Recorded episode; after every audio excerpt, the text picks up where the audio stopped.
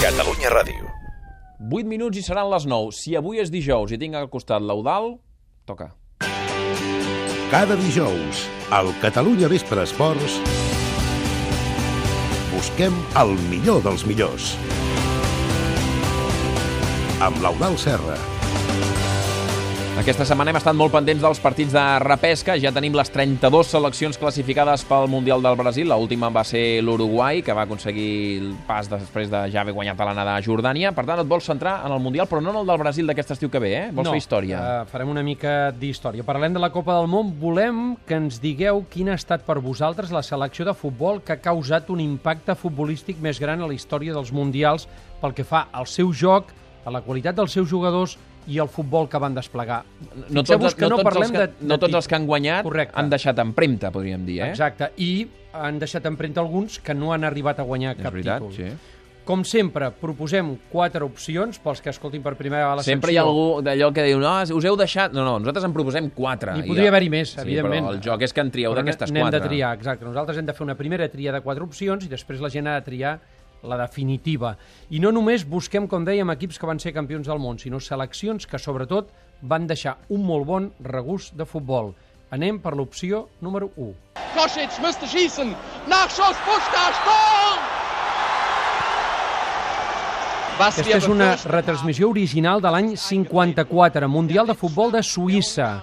Selecció d'Hongria, amb jugadors com Puskas, Sibor, Coxis, Tot o Zacarias. Diuen que va ser en aquells moments una autèntica revolució del futbol, la que va portar anomenada Escola Hongaresa.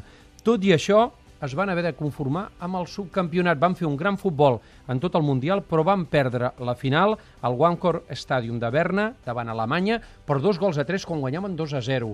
És a dir, que els van remuntar. Però van Opció marcar número una revolució al món sí, del futbol dels anys 50, per tant. Deien, en aquell moment, als anys 50, els futbolistes hongaresos eren de sobres els millors, si no d'Europa, del món. Opció número 2. Leónidas estuvo en 38, pero Pelé en 70.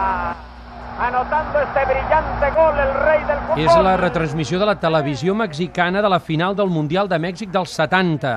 Selecció del Brasil. Un equip amb una qualitat tècnica extraordinària, amb jugadors com Pelé, Jarcinho, Gerson, Tostao, Carlos Alberto, Rivelinho, etc etc. Durant molt de temps es deia dels equips juguen millor que el Brasil del 70, Correcte. eh? o, o no és el Brasil del 70, com si fos la, la, Era una, la, la mesura. la comparació. Eh? La, la mesura, sí. El Brasil no només va fer un gran futbol, sinó que, a més a més, també va guanyar el Mundial. Va ser el seu tercer Mundial, aquest Mundial del 70. Es va imposar clarament a la final a Itàlia per 4 gols a 1. Opció número 3. Rensen Brink stuurt daar Krol op linksweg. Dan komt de voorzet en is Cruijff is goal. Is goal.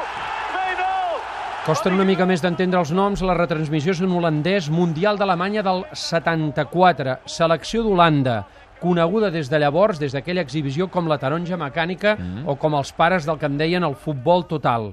L'Holanda de Cruyff, Neskens, Rensenbrink, Rep, Kroll o Van Hanegem. I Va arribar Michels, eh? Que era l'entrenador, sí. que va ser entrenador del Barça. Va arribar per primer cop a una Copa del Món a Alemanya i va arribar a la final. Es van quedar també a un pas d'endur-se-la. De fet, molta gent estableix comparacions entre Hongria i Holanda 20 anys després Un altre equip que va revolucionar el futbol i que es va quedar a les portes del i va títol. perdre amb el eh? mateix equip, amb Alemanya. Llavors Alemanya, però, jugava a casa. Va guanyar la final per 2 a 1, una final jugada a l'Olímpic de Munic. I quarta i última opció. Está de delantero centro Iniesta, para él va ese balón. Él le cae a Cesc Fábregas. Vamos, Fábregas para Iniesta. Iniesta, chuta Iniesta.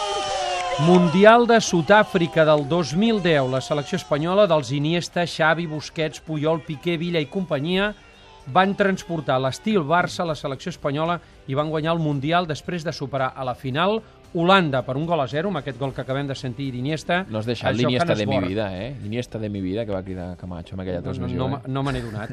Per cert, eh, tenim els vídeos penjats d'aquestes quatre seleccions al Facebook del programa, facebook.com barra Catalunya Vespre Esports, els ha penjat ja l'Erricard Isidro i, com sempre, Sí, podeu votar, ja sabeu, qualsevol d'aquestes quatre opcions a través del Facebook del programa, facebook.com barra Catalunya Vespre Esports, o bé a través del Twitter, catradio esports, o al correu electrònic catesports arroba catradio.cat. I ja sabeu que entre tots els que hi participeu sortegem una nit d'hotel al magnífic hotel Petit Convent de Begú, a l'Empordà. Si podeu, no us perdeu, participeu, perquè realment paga molt la pena passar un cap de setmana en aquest hotel de Begú. Ah, yes. Al Catalunya Vespre Esports busquem el millor dels millors. Fins dijous us demanem. Quina ha estat la selecció de futbol que ha causat un impacte futbolístic més gran a la història dels Mundials? Entreu al nostre Facebook i voteu entre aquestes quatre propostes. Opció 1. La selecció hongaresa del 1954. Opció 2. El Brasil de Pelé de 1970. Opció 3. L'Holanda del 74. Opció 4. La selecció espanyola del Mundial del 2010. Entre tots els missatges que rebem fins dijous a facebook.com barra Catalunya Vespre Esports sortejarem una nit d'hotel al petit convent de Begú.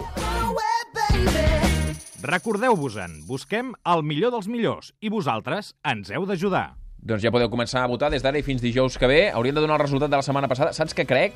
Que el, si anem molt a l'antiga, la gent, clar, potser Sí. els que voten són més joves Clar, i... la gent que potser recorda més Hongria al 54 o gent que pot recordar mm, Brasil del 70 no està tan acostumada al Facebook, al Twitter. També ho penso perquè en la votació d'aquesta setmana Sí. ha passat una mica això, no? Sí, eh, preguntàvem quina era la millor esportista catalana de la història. Doncs bé, entre les quatre opcions, que aquí no n'hi havia tan llunyanes, No. com, eh, eh, la més votada ha estat Gemma Mangual, que s'ha endut un 50% dels vots.